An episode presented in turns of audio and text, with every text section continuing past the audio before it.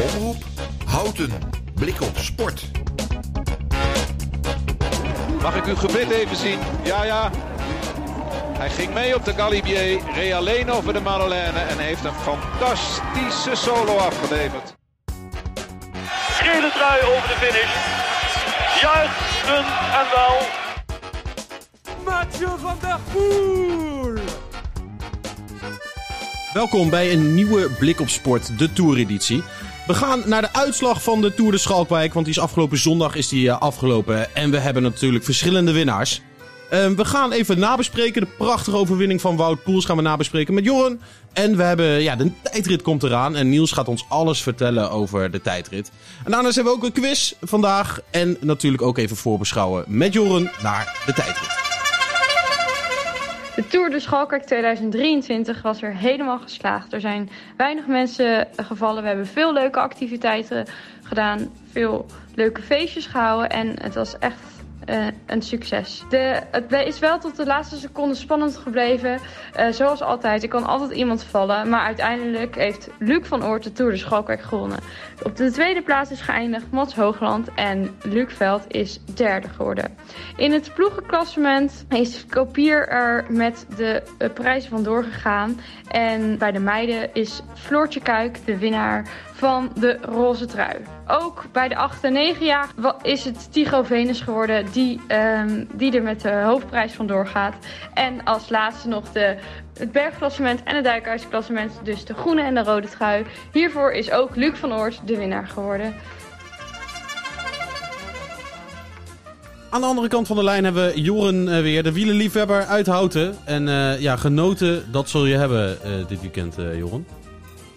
Ja, het was sowieso een prachtig sportweekend. Met meerdere sporten die op hoog niveau gevoerd werden. Maar de overwinning van onze, onze Wouter Poels, die steekt natuurlijk wel met kop en schouders bovenuit. Ja, er wordt altijd afgevraagd, where is Wout? Nou, hij reed, boven, hij reed vooraan. Uh, maar het was nog wel een beetje zoeken naar hem. Ja, hij is zo weinig in beeld geweest. En vooral Michael Bogert ging helemaal los op die, als commentator. Dat was echt uh, wel prachtig om te horen. Maar hij heeft eigenlijk te weinig televisiefame gepakt voor de, prestatie, de grootheid van zijn prestatie, zeker. Ja, want wat, ja, de van de berg, uh, ik appte je nog van, uh, gaat hij hem pakken, ja of nee? Nou, toen uh, reageerde je nog een beetje van, nou, we moeten het nog even zien. Maar hij reed uiteindelijk gewoon makkelijk weg. Ja, hij is meer dan twee minuten weggereden van, van die andere Wout, Wout van Aert. Die ook in zijn eigen tempo boven kwam als tweede eindigde. Dus dan zag je echt op die steile stroken hè, dat, het, dat hij toch het verschil kon maken. Met uh, misschien net zo lang lijf, maar in ieder geval een stuk uh, magerder lijf. Die kilo verschil, die, kilo verschil die maakte toch wel, uh, toch wel het verschil. En nou, het is prachtig. Hij werd in hetzelfde rijtje gezet als, als Michael Bogert ooit zelf. Op, en met Dumoulin die ook een ritoverwinning won. Dus eigenlijk ja, winnen in de Alpen, het is weinig gegeven. Ja, echt, uh, echt fantastisch. En waar ik ook heel erg van genoot was die omhelzing met uh, Dylan van Baarle. Aan het einde van, uh, van de rit. En ook, er gingen ook beelden rond dat hij zijn beste vriend tegenkwam tijdens de rit. Die helemaal emotioneel werd en uh, helemaal gek werd. Ja, dat vond ik prachtig om te zien oh, geval. Ja. ja, en ik hoorde ook verhaal nog dat ze de vriendin van Gino Mede nog een bericht had gestuurd. Ah, ja. Ook wel het verhaal van die ploeg. Dus uh, aan meerdere kanten gewoon echt uh, zwaar gegunde overwinning. Ja, prachtig. Ja, zijn carrière is nu wel uh, geslaagd. Na Luik, Bastenaken Luik, zeven jaar geleden. Is nu met, een, met een etappekoers in de Tour. ja, wat een, wat een prachtige carrière eigenlijk. En hij doet al tien jaar mee aan de Tour. Uh, hoorden we even tussen neus en ja. door. Dat vond ik ook wel een, uh, ja. een bijzondere stat. Ja, monument gewonnen, ritoverwinning in de Tour. En uh, ook nog vroeg natuurlijk een aantal keer naar de gele trui gereden. Ja. Dus eigenlijk zijn carrièrepad van toch een beetje kiezen voor een knechtenbestanen. Voor een huursoldaat, waar krijg je ineens betaald. Maar eerst Ineos, daarna Bahrein Merida. Betaalt toch uit, want naast dat hij heel veel geld ontstrijkt... heeft hij ook nog wat individuele successen behaald. Dus niemand kan er wat van zeggen. Nee, ja, dat is, dat is natuurlijk prachtig. Nou, dat, uh, de, het Nederlands succes. We hebben hem binnen, één etappe nu. Uh, waar het natuurlijk voornamelijk om draait is het secondenspel tussen Vingegaard en uh, onze vriend. Uh, hoe heb je daar naar gekeken, Joran? Nou, heel veel vooral, want de camera die had de hele tijd het duel in beeld. En die, waren, die waren volgens mij bang om de beslissende move te missen. Uiteindelijk kwam die niet. Pogacar leek wel echt zwakker dan de afgelopen dagen. Dus ik zat zelf achter de camera, of achter de televisie van alsjeblieft Vingegaard, probeer het nog even. Kijken, kijken of hij kan volgen. Maar daar is heel veel over gezegd, ook door de Jumbo-ploegleiding uh, achteraf. En uh, Vingegaard heeft een andere keuze gemaakt. Die hij ook gewoon op montages rijdt. En zag dat hij uh, ook bang was misschien voor een counter-attack. Of toch bang dat hij niet verschil kon maken. Ja. Dus ze kwamen gezamenlijk over de finish. En eh volgens mij loopt hij één seconde, één seconde in. Of één seconde uit eigenlijk, hè. Met, eh, de, of met eh, die acht seconden van de laatste berg. Ja. Wat Pogacar gehinderd werd door, door de mo- motors. Ja, dat, dat, dat was ook weer, eh, dat was ook weer bijzonder om te zien. Ja, ze zijn ook uit de koers gezet. Volgens mij hebben ze ervan gestraft. En ze konden ook niet heel veel doen, want ja, het publiek staat er zo dicht op en zo weinig ruimte. Dat als je gaat gassen en eh, gaat gek gaan doen, dan maak je meer slachtoffers. Maar voor, het, voor het prof, voor, het, voor de koers zelf, is het eh, natuurlijk schandalig dat op dit niveau dit, dit verschil kan maken. Ja, dus, eh, uiteindelijk is gewoon de oplossing duidelijk. Ze moeten daar gewoon hekken neerzetten. En ehm, ja. Ja. er wordt nooit betaald voor het wielrennen. Iedereen kan maar naar boven lopen en zich eh, misdragen. Dan zie je ook gewoon dat dit, eh, dit af en toe gebeurt. Dus dat is heel, eh, heel spijtig. Ehm, ja, uiteindelijk, eh, wat, wat je gewoon heel erg duidelijk ziet met Vingegaard en, en Pogacar... is dat, ze, eh, dat Pogacar gewoon wat vinniger is. Maar dat, eh dat Vingegaard uiteindelijk gewoon wel kan vol- vo- volgen. En volgens mij rijdt hij dan ook heel berekenend, hè? Ja, hij blijft redelijk zijn eigen tempo en dan eh redt hij langzaam weer naartoe. Dus die eerste demarage kan hij vaak niet volgen. Maar eh, echt, echt weg komt hij niet. Dus het mentale voordeel ligt nu echt wel bij Vingegaard. Met Ja. de tijdrit eh, die eraan komt. Ja, en we duiken nu de derde week in, dus eh, het blijft spannend. Ja, we zijn weer eh, aanbeland bij de het thema met Niels. En eh, ja, er is ook een tijdrit in de Tour. En die komt er weer aan. Ehm, en dan vraag ik me altijd af, eh, die dichte wielen, de andere, andere helm. Wat is er toch allemaal anders en waarom doen ze het? Of, Klink, klinkt wel altijd lekker zo'n Ja. dichtwiel. Zo. ja, ja, die, ja, die suist dan over de weg hoor. Oh, heerlijk, ja. heerlijk. Als je er zelf mee kan rijden, echt fantastisch. ja. Ik zou er bijna opgewonden worden. Maar Nee. vertel, wat, wat, wat is, heb, jij, heb jij wel eens, eh, je hebt natuurlijk wel eens op een tijdritfiets eh, gezeten. ja, zeker. Bij ons de ploeg eh, kregen we eigenlijk een tijdritfiets standaard. Oké. En ehm, ja, dat maakt gewoon heel veel verschil. Zeker een normale fiets of een tijdritfiets. Een tijdritfiets is zo aerodynamisch gebouwd. En dat houdt eigenlijk in dat de wind er heel makkelijk langs kan wanneer je heel hard gaat.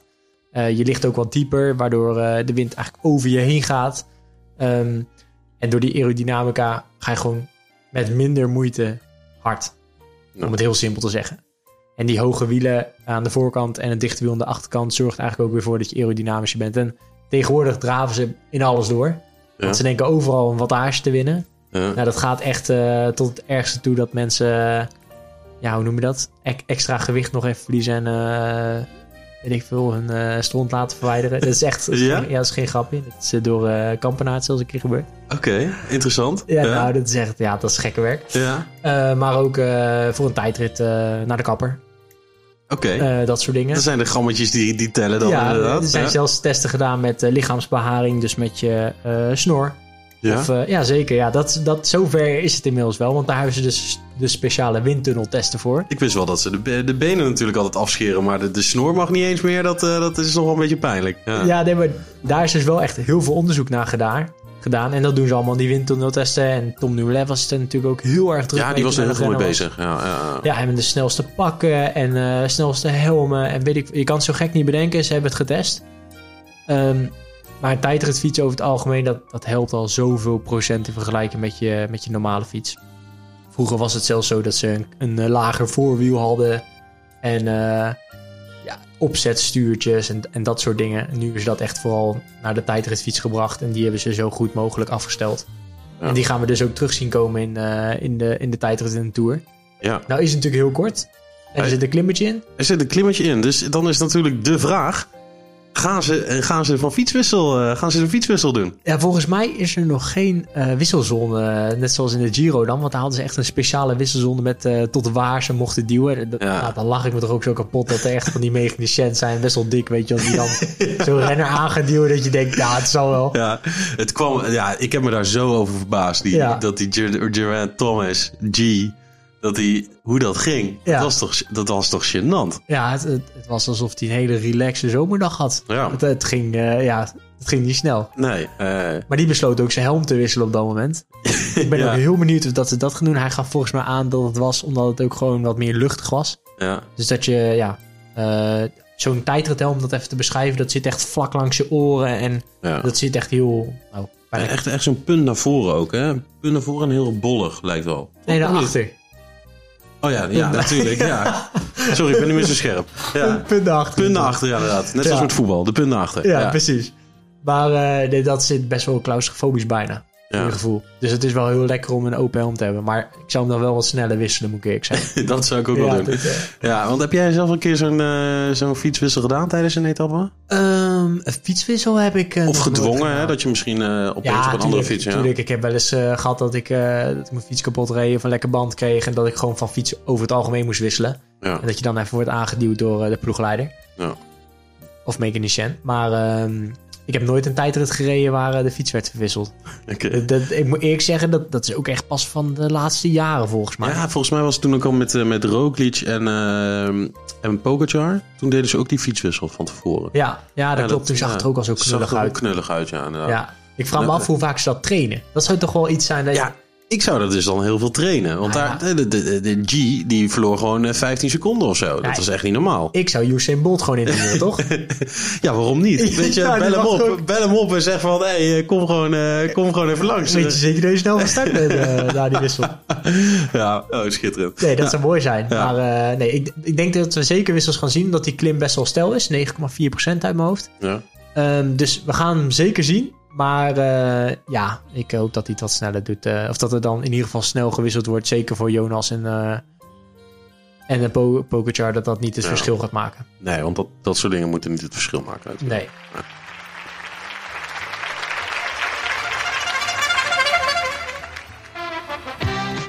Het antwoord van de quiz van afgelopen weekend was natuurlijk Auke Mollema. En dan gaan we door met een nieuwe quiz. Hij werd prof in 2012. Hij reed zes keer de Tour de France. Hij won drie etappes. En werd één keer tweede in de Tour. Hij eindigde zijn carrière bij Jumbo-Visma. Wie oh wie zoeken wij? Stuur nu uw bericht naar @blikopsport op Instagram of stuur een e-mail naar ruben@omroephouten.nl. Dan gaan we naar eh, de voorbeschouwing op, eh, op vandaag. Want er staat een tijdrit op het programma. Ehm, ja, Joren, dit belooft weer een, eh, een spektakel te worden. Vingegaard of Pogacar. Ja, het gaat alleen maar tussen die twee. Dus eh een van de twee gaat ook wel winnen, denk ik, toch?